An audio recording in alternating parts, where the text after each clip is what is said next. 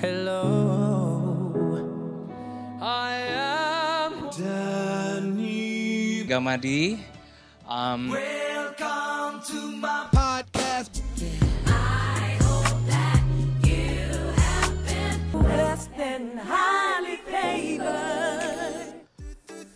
Hello, welcome to podcast series Gen Z Ministry bersama gue Denny Gamadi dan kita akan bahas gimana seluk-beluk melayani anak-anak generasi Z. Dua kali lipat jumlah Gen Z yang mengaku sebagai ateis dibandingkan seluruh orang dewasa di Amerika digabungkan.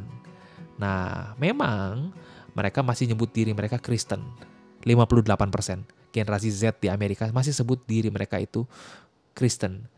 Tapi sebenarnya cuma cuma cuma separuh yang masih benar-benar ke gereja. Cuma separuh. Jadi meskipun mereka ngaku Kristen tapi mereka nggak benar-benar datang ke gereja.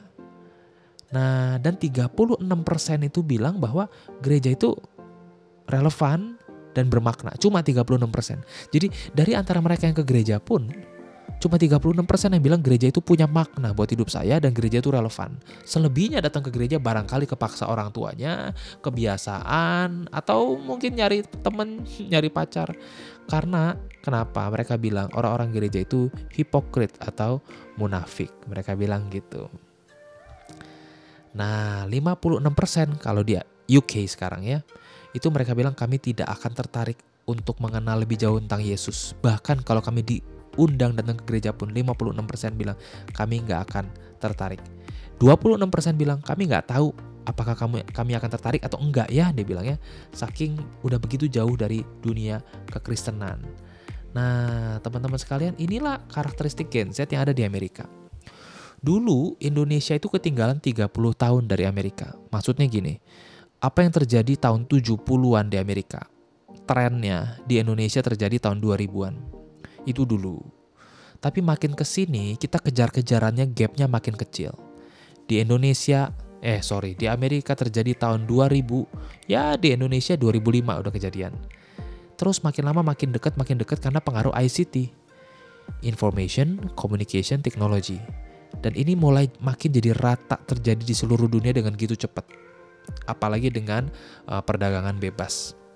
Jadi, apa yang tadi saya bacain tentang karakteristik Gen Z, sikap-sikap mereka, ciri-ciri mereka, cepat atau lambat karena pengaruh globalisasi bakal kita hadapin di gereja kita, di neighborhood kita semuanya. Nah, mari kita lihat lebih jauh lagi sekarang gimana Gen Z itu memandang hidup. Kalau tadi religiositas, sekarang gimana mereka memandang hidup. Sejak resesi ekonomi 2008, Gen Z itu sangat peduli sama hal-hal financial. Dan mereka sangat ingin punya kemerdekaan finance, financial independence. Sebagai bukti mereka udah dewasa. Jadi kalau milenial itu masih punya idealisme, saya mau buka UMKM, startup, duitnya gimana? Nggak apa-apa biar kecil, tapi ini passionku. Gen Z akan gak si idealis itu, tapi lebih realistis. Udahlah, jangan banyak mimpi di siang bolong. Yang penting gua kerja di gaji gede, gue siap. Daripada mimpi bantu-bantu bikin perubahan buat dunia, tapi gua nggak dapet duit. Karena apa? Gen Z menyaksikan resesi ekonomi yang benar-benar menghantam keluarga mereka.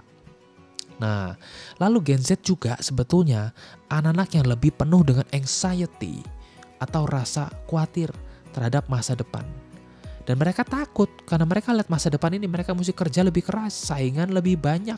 Dulu angkatan dulu soal kerja mah nyantai, lebih tenang. Jualan bakmi aja bisa nyokolahin anak ke luar negeri, bisa punya rumah yang besar. Tapi Gen Z lihat, wah ekonomi ini, masalah keuangan ini sadis, gak pandang bulu. Makanya mereka ada rasa khawatir karena mereka lihat ke depannya kerja ini akan jadi semakin gila sebetulnya. Nah, lalu Gen Z akan mirip sama baby boomers yaitu mereka akan fokus pada kerja keras. Milenial itu kan dibilang orangnya spontan, banyak ngomong, banyak ide tapi kerjanya kurang. Bisa jadi, tapi Gen Z tidak akan seperti itu.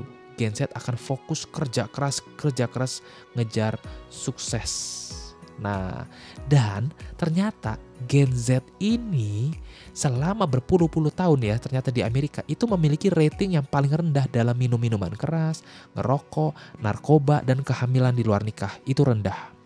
Wah kalau generasi sebelumnya kan banyak sekali nih kasus narkoba, uh, kemudian hamil di luar nikah, minum kecanduan segala macam rokok. Tapi Gen Z paling rendah rate-nya, the lowest in decades. Berpuluh-puluh tahun Gen Z paling rendah. Kenapa?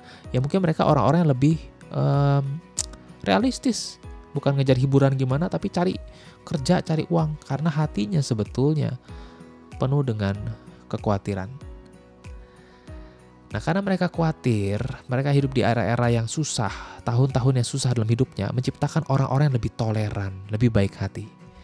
Jadi beda kultur, beda si kaya, si miskin. Kayak cerita Romeo and Juliet zaman dulu kan bisa sampai perang antar keluarga karena beda fam, beda keluarga. Atau orang yang nikah beda suku. Bisa jadi masalah yang gede di Indonesia. Buat Gen Z itu udah kayak hal yang gak terlalu penting dan mereka jadi orang-orang yang sebenarnya lebih toleran. Ya, orang-orang biasa lebih ditekan, termarginalkan. Itu lahirlah satu generasi yang lebih toleran, lebih bisa menerima perbedaan, lebih nggak merendahin background etnik yang berbeda-beda, kepercayaan yang berbeda-beda.